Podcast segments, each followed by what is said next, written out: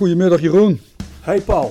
Hey Jeroen, heb je hem al ingestuurd? Je lijst met favoriete popsongs voor de top 2000 van 2021. Ben ermee opgehouden.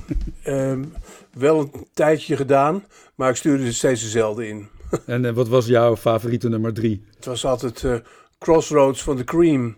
En eh, Neil Young en ehm, Frank Wild Years van Tom Waits. Ja, in tegenstelling tot, tot jou kan ik nooit een top maken, want die is namelijk elke dag verschillend. Ja, dus dat wordt altijd heel lastig. Maar Jeroen, muziek maakt gezond. En je vertelde me toen we even voorspraken dat je enorm hebt genoten van een concert van Metallica. Hoe gaat het met je? Nou, ik zou bijna zeggen, uh, nothing else matters dan, uh, dan corona op dit moment. Om uh, even in te gaan op Metallica. Nou, het is, het is, een week verder. Een hele ervaring, zou ik je vertellen. Vertel. Um, een soort, ja, toch een soort opgeslotenheid in een merkwaardig soort griep. Um, kreeg ook nog wel enige last van benauwdheid halverwege. Ik denk, nou, het gaat toch niet de verkeerde kant op? Nee. Dus ik zat zaterdagavond toch wel weer fors herstellend te kijken naar het uh, prachtige concert van Metallica en het grote symfonieorkest in San Francisco. Mm -hmm. Maar dat was laat, hè, geloof ik? Ja, ik heb hem zelf nog eens een keer gekeken. Uh, gewoon uh, herhaald. Ja, ik sliep al in het kader van het opbouwen van voldoende weerstand. ja, dat moet. Het is wat met het coronabeleid. Hè? We zijn nu al bij Omicron. Dat is gek, hè? De O. Ik, ik was uh, opgehouden bij de D. Dan zijn we opeens uh, zo'n tien uh, virusvarianten verder. Of lijkt dat maar zo? Als we zo het alfabet doorgaan, het Griekse alfabet is het, dan zitten we binnenkort afkomstig uit, nou, zou we zeggen, deze keer Gambia met de Pi-variant. Na delta komt in het Grieks epsilon eta. En dan krijg je nog kappa lambda nu. Uh, de nu zit voor de omicron. Weet ik nog uit mijn gymnasiumdagen. Het virus pakt uit. Het zal niet de laatste variant zijn.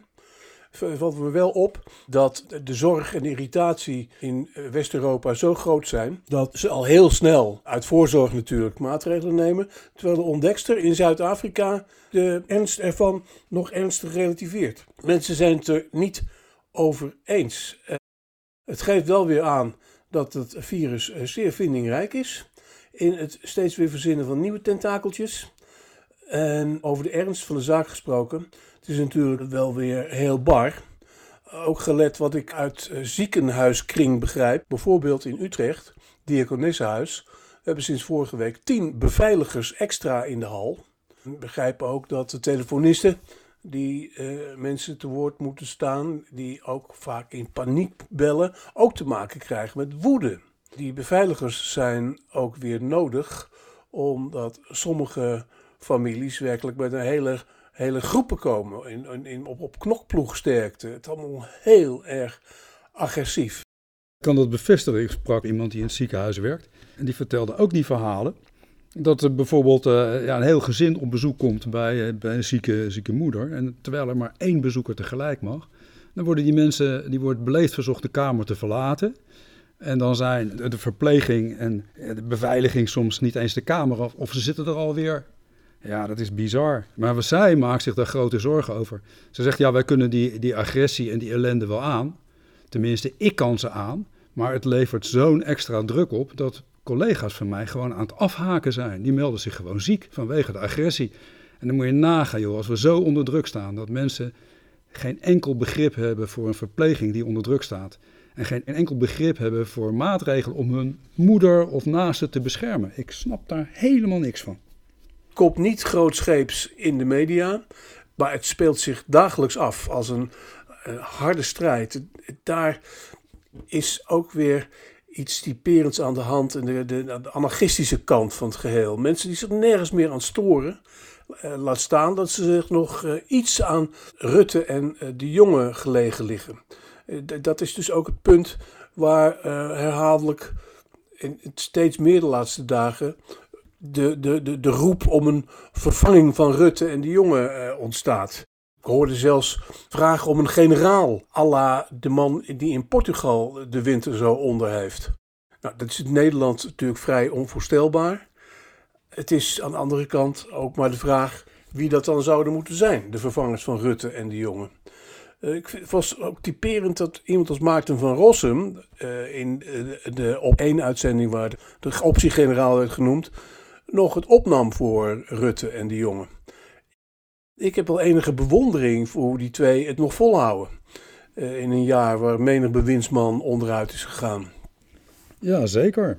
Waar ik wel wat moeite mee heb, is hoe, hoe uh, mensen op individuele basis, leden van het OMT, in al die talkshows verschijnen, elkaar tegenspreken, hun meningen ventileren, hoe uh, persconferenties van tevoren ruim uitlekken, hoe debatten in de Tweede Kamer verlopen. Ik denk dat er wel het nodige te verbeteren is. Wat ik ook sterk vond van Van Rossum, volgens mij was hij dat hij zei, ja, we spreken hier niet van een ramp, maar van een crisis. In een ramp dan kun je van tevoren je goed voorbereiden, maatregelen nemen. Maar bij een crisis heb je elke dag een nieuwe situatie. En dan ja, heb ik ook wel waardering voor Rutte en de jongen, want ja, het zal je maar te doen zijn. En ze moeten dus ook rekening houden met dat rare Nederland. Ze willen iedereen toch een klein beetje bedienen en niet meteen uh, mensen in de hoek zetten, niet meteen hele strakke maatregelen nemen die heel veel verzet oproepen. Ja, ik heb daar ook wel begrip voor. Nou ja, ze regeren niet meer, maar reageren, las ik in NRC van Tom-Jan Meus. Uh, dat is ook zo. Het is uh, het beeld van redderen. Nou, dat moet soms ook in een crisis. Dan moet je ook reageren. Je moet reageren op een nieuwe variant die je niet verwacht. Je moet reageren op uh, mensen die zich aan basisregels niet houden. Je moet reageren op mensen die in allerlei complottheorieën geloven. Ja, dat is toch lastig hoor. Nou ja, ze hebben natuurlijk ook het nodige eh, achter hun kiezen van alle kritiek uit de getroffen sectoren. Nu weer de horeca, nu weer de mhm. cultuur. En die kunnen ze uh, in dit geval niet eens meer met een compromis tegemoet komen, want om vijf uur moet alles dicht. Dus ze zijn uh, weer de pineut, de horeca en de, en de cultuur. Daar houden ze ook rekening mee. Alleen nog durven ze het niet aan om naar een grote lockdown te gaan. Laat staan de verplichting om uh, iedereen nu uh, gevaccineerd te laten worden. Zegt dus iemand die twee prikken heeft gehad en toch corona heeft gekregen. Ja, ja. Ik ben wel voor die teneur, uh, ondanks dus de relativiteit van de vaccinatie, om naar een verplichting toe te gaan. Al is dat in Nederland vrijwel ondoenlijk. Ik niet. Ik, ik heb daar grote aarzelingen bij. Ik vind dat je mensen moet overhalen op basis van redelijke argumenten. Je meer moet inspannen om mensen te laten zien dat denkbeelden die ze vaak aanhangen niet waar zijn, ongeloofwaardig zijn. Eh, ik ken nog wat mensen met een Afrikaanse achtergrond. En ik hoorde van iemand die goed geïnformeerd is uit die kringen dat daarin toch het verhaal dat je van vaccinatie, en dat geldt met name voor vrouwen, onvruchtbaar wordt, dat dat heel manifest aanwezig is. En onder die groep heerst dan ook heel veel angst. Daar is heel veel werk te verrichten. Allemaal extra communicatiewerk in een schier onmogelijke opdracht om het allemaal op te lossen. Waar één ding duidelijk is: mensen besmetten elkaar. Dus het kan maar beter zijn dat de meeste mensen wel gevaccineerd zijn. Maar moet dat met dwang? Dat is de vraag. Je hoort mij zeggen: het is beter van wel. Maar afdwingen werkt niet. Je krijgt toch een soort illegaliteit in Nederland. Mensen die het iets toch blijven verdommen. Ik vind wel dat mensen die zeggen ik laat mij niet vaccineren en die beseffen dat ze daarmee een groter risico lopen, ook wat meer ervoor kiezen om thuis te blijven, om zich veel strakker aan die basisregels te houden. Aan de ene kant, als jij die vrijheid hebt om daar niet aan mee te doen, dan heb je ook, denk ik, de plicht om te zorgen dat je voor anderen ook de vrijheid laat. En dat je de anderen ook de ruimte laat om gezond te blijven. En de ziekenhuizen ontlast. Dat is wel belangrijk. Die ordeloosheid en die illegaliteit, daar zijn we in Nederland ook nog niet vanaf. En die illegaliteit, dat is uh, iets wat ontstaat in gebrek aan, aan gezag en leiding. Heb je het weer. Wat bedoel je met illegaliteit? Dat ook als mensen verplicht zouden worden, dat ze, dat ze zich uh, er toch niks van aantrekken.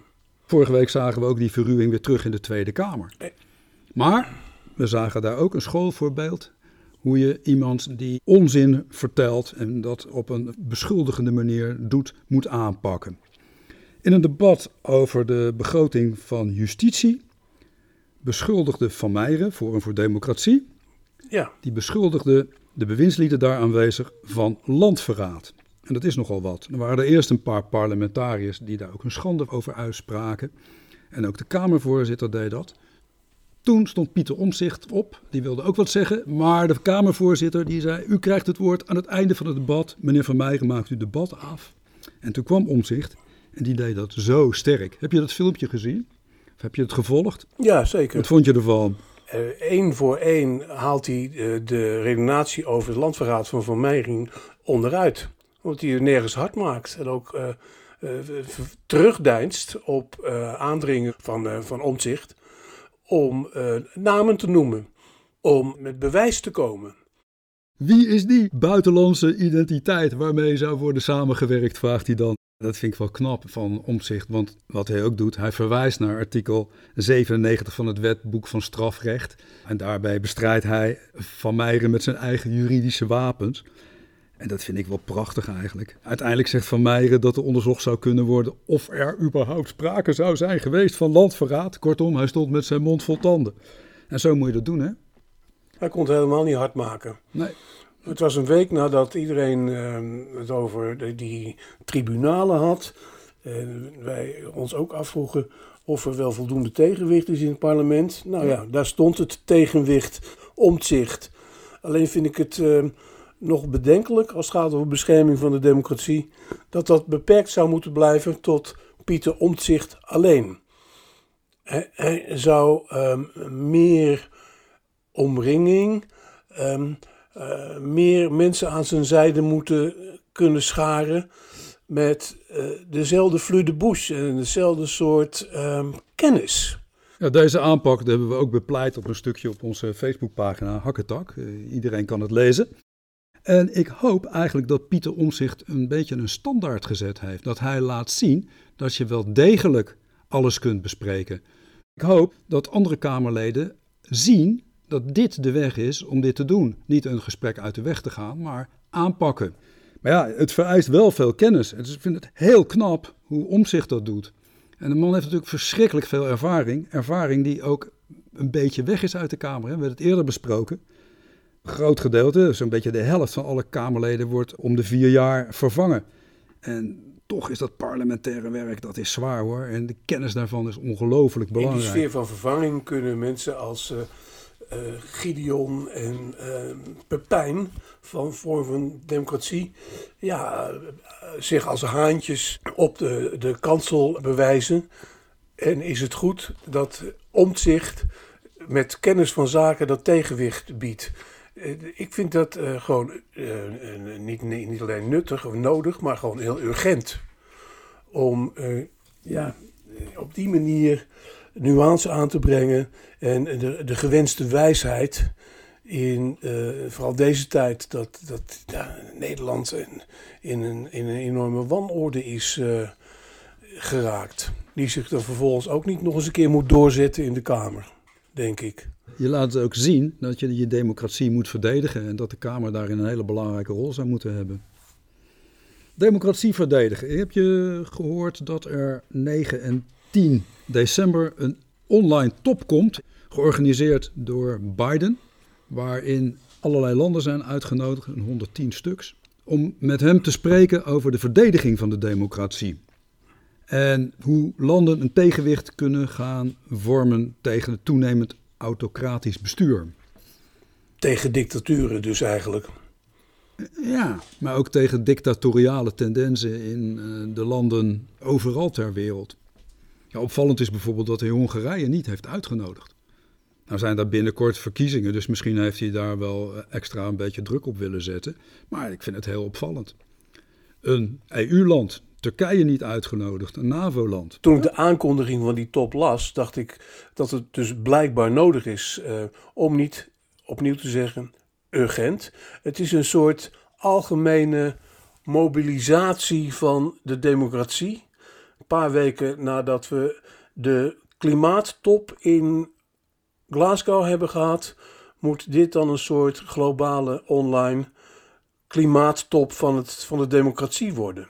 En uh, het is wel heel veelzeggend, significant dat het uit de hoek van Biden komt. Uh, dat vind ik dan wel weer een signaal eh, dat Amerika weer probeert om het initiatief naar zich toe te trekken. Waar uh, onder Trump Amerika ook naar een hele merkwaardige vorm van leiderschap en bewind ging. Dit is een tournuur van Biden, zo vat ik het op, naar een nieuw soort Amerikaans leiderschap. Al heb ik meteen ook weer mijn twijfels, want jij hebt het over het niet uitnodigen van Hongarije, het buitensluiten van Turkije eventueel, dat, dat China en Rusland er in het geheel niet in worden betrokken. Zelfs niet als, als gasten. Nee, daar kan ik me wel iets bij voorstellen, toch? Zeker. Er zijn landen die zeggen tegen de VS: ja, leuk dat jullie zo'n top organiseren, maar zorg eerst maar eens dat je het in je eigen land op orde hebt. Wie, wie zijn jullie om een uh, modelvoorbeeld voor de rest van de wereld te zijn? Maar ja, je ziet natuurlijk dat Rusland geprobeerd heeft via de verspreiding van nepnieuws in democratische landen wanorde te stichten, geprobeerd heeft verkiezingen te manipuleren. Dat China ook het nodige doet om propaganda neer te leggen in democratische landen, om China te verdedigen. Terwijl het een land is waar je toch twijfels kunt hebben aan de mensenrechten. En hoe ze die naleven. En een land wat toch ook zeer uh, autoritair wordt geregeerd. Ik denk dat verdediging van de democratie ook iets is wat heel erg belangrijk is als een soort exportproduct. Een hintje op iets wat ik de hele tijd al denk. Wel, het is ook dubieus in die zin dat uh, Amerika en China, die twee, nogal sterk met elkaar verbonden zijn in allerlei handelsbelangen dat Amerika ook nog degelijk stevig in het krijt staat bij China. Dus. Wat... Vallend is dat ze natuurlijk Taiwan wel hebben uitgenodigd. Hè? Dat is ook nog een extra spanningsbron. Ja, nou, dat, ma dat maakt uh, die, die, die, die getrokken scheidslijn voor zo'n top ja, heel, heel, heel lastig. En, en kun je net zoals bij de klimaattop afvragen uh, wat de mate van welslagen zal zijn. Behalve dat het in die dagen dat die gaat duren, voor de deelnemers extra wake-up call is. Dat ze elkaar weer eens heel goed, al is het online, in de ogen kijken. Alleen vraag ik me er ook nog eens een keer bij af eh, wat de, de mate van deelname is van het electoraat. Hoezeer kunnen uh, bevolkingen hier ook nog aan, deelnemen?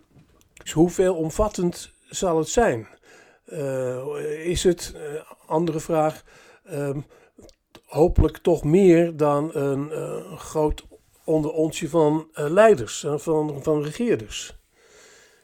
Dat weet ik niet precies. De top is de negende en de tiende. Laten we maar eens een beetje gaan volgen voor Hakketak. Maar wat ik er nog wel over kan zeggen, eh, als je kijkt naar de agenda, die kun je vinden op de, de site van de Amerikaanse overheid. Dan zeggen ze verdediging tegen autoritarisme. Dus ze willen de democratie verdedigen tegen tendensen die de democratie omver willen halen. Dat zie je ook terug natuurlijk in delen van het electoraat. Dat men roept om een sterke man. Bestrijding van corruptie. En als derde ook de bevordering van respect voor mensenrechten. Nou, laten we eens heel even kijken wat er in, in Oost-Europa gebeurt, hè, dicht bij huis. Nou, Hongarije is niet uitgenodigd, uh, Rusland is niet uitgenodigd. En als je dan kijkt naar Rusland, die heel veel beschuldigd wordt van het gebruik van trollen, het vergiftigen van de publieke opinie in West-Europa vanwege nepnieuws, dan kun je eens gaan afvragen waarom zou dat gebeuren. Nou, tegelijkertijd zie je dat er revoluties zijn geweest in Oekraïne, in Georgië, in uh, Wit-Rusland is dat geprobeerd. De mensen massaal de straten op gingen. En dan zou je kunnen bedenken dat Rusland toch een beetje vreest dat zo'n revolutie ook in eigen land zou kunnen ontstaan. Het is een autoritair geregeerd land. En dat ze daardoor voorbeelden uit het Westen willen laten zien voor binnenlands gebruik, dat het hier ook niet allemaal zo prettig is. Allemaal afleiding. Afleiding, een ontzettend belang. En in het verleden. Poetin heeft de gewone ja. Rus economisch steeds minder te bieden. Dus uh, komt, die oude, komt die ouderwets met krachtsvertoon. Er staan troepen voor de grens van Oekraïne. Om de, zaak nog even, om de zaak nog even ingewikkelder te maken. Maar niet alleen met krachtsvertoon, maar ook door de binnenlandse bevolking te laten zien dat het in het Westen ook hier en daar wat chaos is. En dat een revolutie nou niet kan rekenen op een daadwerkelijke kans van slagen. Ik heb begrepen dat, dat landen zoals Rusland, China, Hongarije, Turkije, uh, Venezuela, Iran, het zijn allemaal autocratisch geregeerde landen, onderling ook banden hebben, handelsbelangen delen, waardoor bijvoorbeeld uh, sancties niet meer werken, een beroep op mensenrechten niet meer werkt. En daar zou zo'n top zich eens over kunnen onderhouden. Daar zouden de mensen eens over kunnen nadenken en wat je daaraan zou kunnen doen. Vroeger hadden we sterke internationale omroep. Heb ik een tijdje bij de Wereldomroep gewerkt. Zond uit in verschillende talen. Je had die Deutsche Welle, je had uh, in Amerika ook zo'n groot station. Daar zou je weer eens over na kunnen denken. Door bijvoorbeeld informatievoorziening te versterken. Overal ter wereld dat mensen betrouwbare informatie krijgen. Als je nu naar Russia Today kijkt, dan zie je heel veel nepnieuws over corona. Over die wereldomroep gesproken, as we speak, dan, dan, denk ik aan Erik Hazelhoff-Roelsema, eh, de soldaat van Oranje, die eh, de jaren 50 een hele hoge was in uh, dergelijke omroepkring.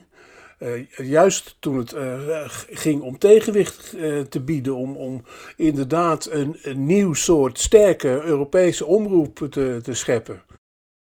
Treurig wat het lot van de wereldomroep in Nederland is, is, is geworden. Ja, na de val van het ijzeren gordijn, hè, na de val van de muur, hadden we het idee, we hebben het niet meer nodig. Het was niet meer nodig als koude, koude oorlog omroep. De koude oorlog is voorbij. We hebben het niet meer nodig.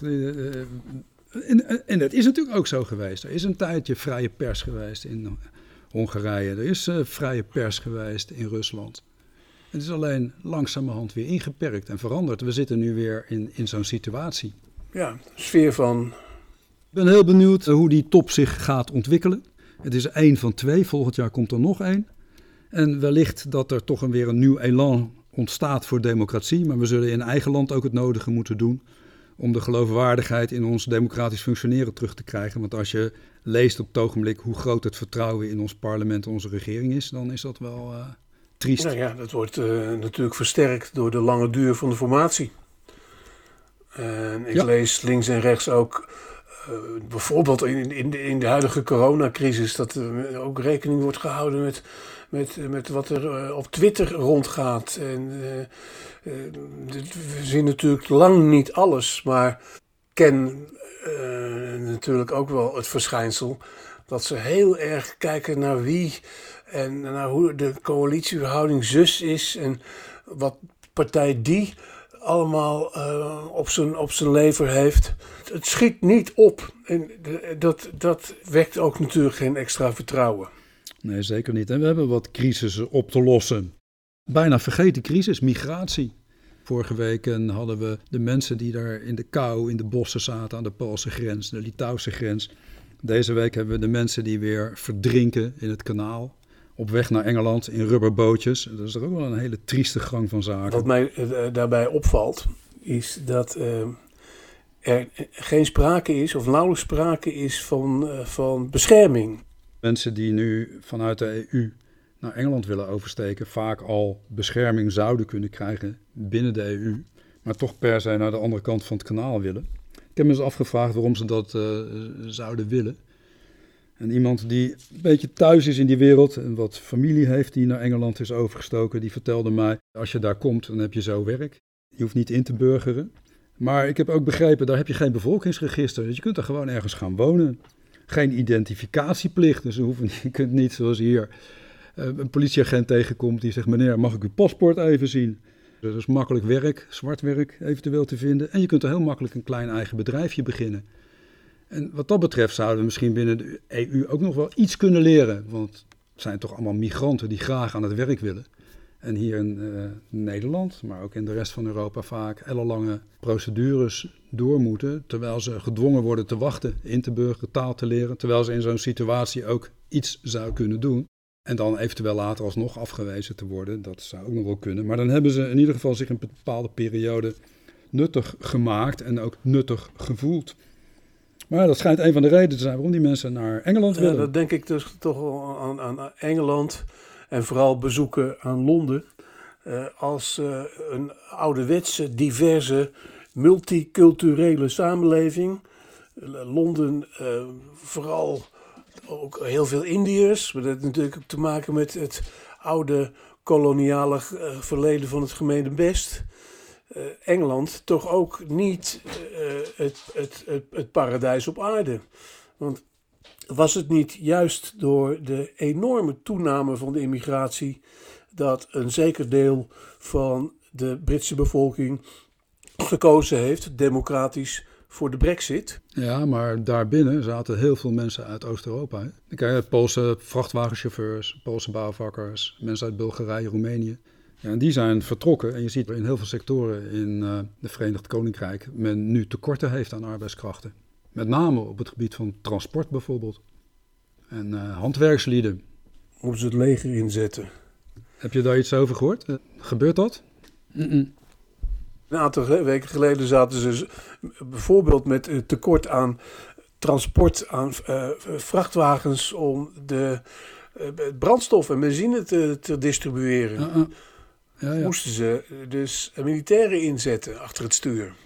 Los van dit alles is het, eh, nou denk ik, niet een vergeten probleem, maar het is een, een, een heel zichtbaar probleem. Eh, eh, Net als die toestanden van de vluchtelingen die daar werden ingezet als een soort politiek paardenmiddel aan de grens met Polen en Belarus, eh, geeft dit maar weer aan wat de moeilijkheden in de wereld zijn. De ongelijkheid, de, de kansloosheid.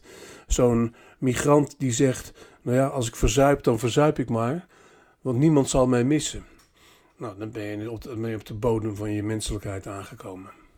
Dat is iets waarvan ik vind dat het opgelost moet gaan worden. Dat er in ieder geval duidelijkheid geschapen wordt voor mensen die hier willen komen. En mensen die vluchten voor armoede, voor honger, voor oorlog, eh, noem maar op. Dan zit onze staatssecretaris Ankie Broekers-Knol er ook bij, bij een groot overleg in Calais, zag ik. Wij hebben ook natuurlijk kustlijn. We zijn ook betrokken bij... Die ook- ja, die het dolgraag ook allemaal wil oplossen. Eh, In ieder geval eh, om eh, nog meer mensen in Ter Apel eh, niet te hoeven huid- huisvesten. Ja, dat weet ik niet. Of dat, ik ik zeg net, de mensen willen autonoom naar Engeland.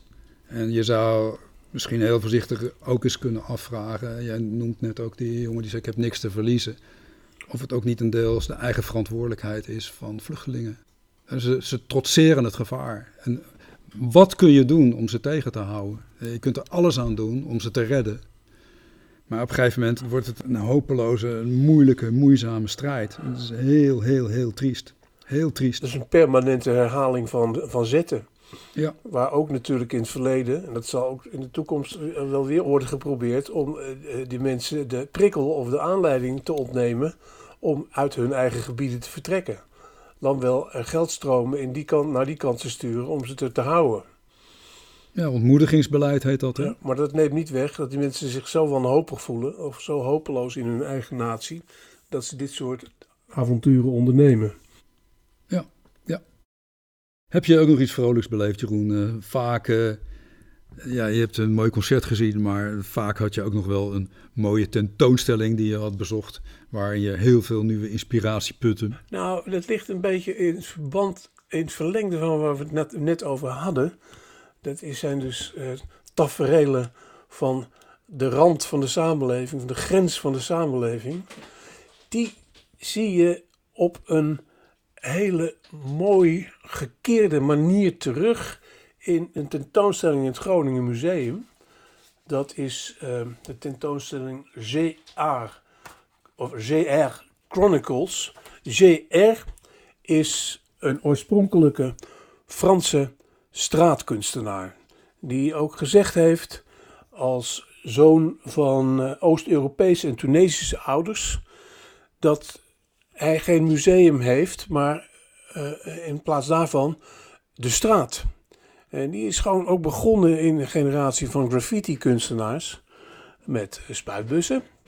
Totdat hij een camera ontdekte, een camera aantrof in een metro, achtergelaten camera, en daarmee is gaan fotograferen. Onder andere in zo'n omstreden probleemwijk in Parijs. En dat is het begin geweest. My Generation project heette dat. Van een hele reeks projecten over de hele wereld. Waarin die JR dus niet zozeer de problematiek aan de kaak stelt.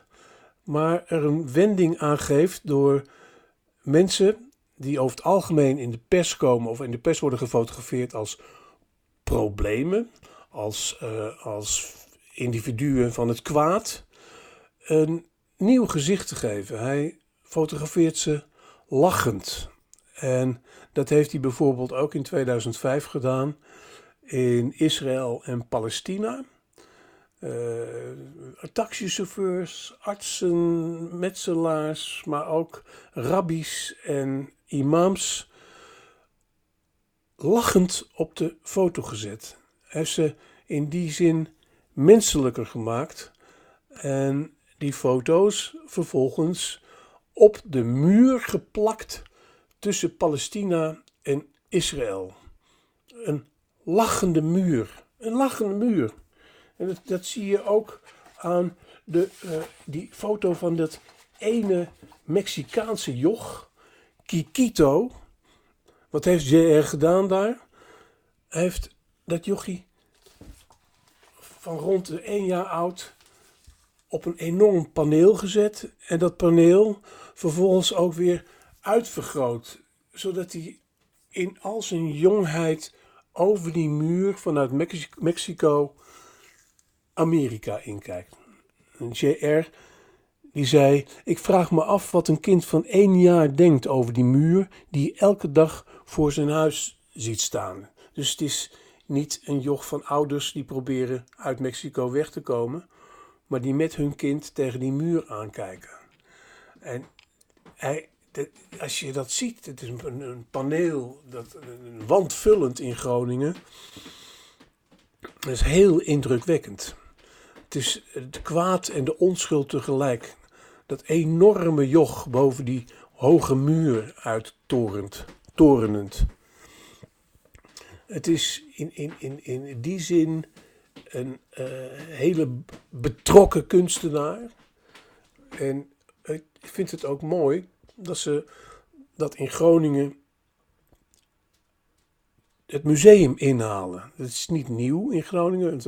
De, zeer vooruitstrevende Frans Haks, die ook in Groningen al directeur was, voordat dat eh, moderne uh, gebouw werd neergezet, die omarmde graffiti ook al.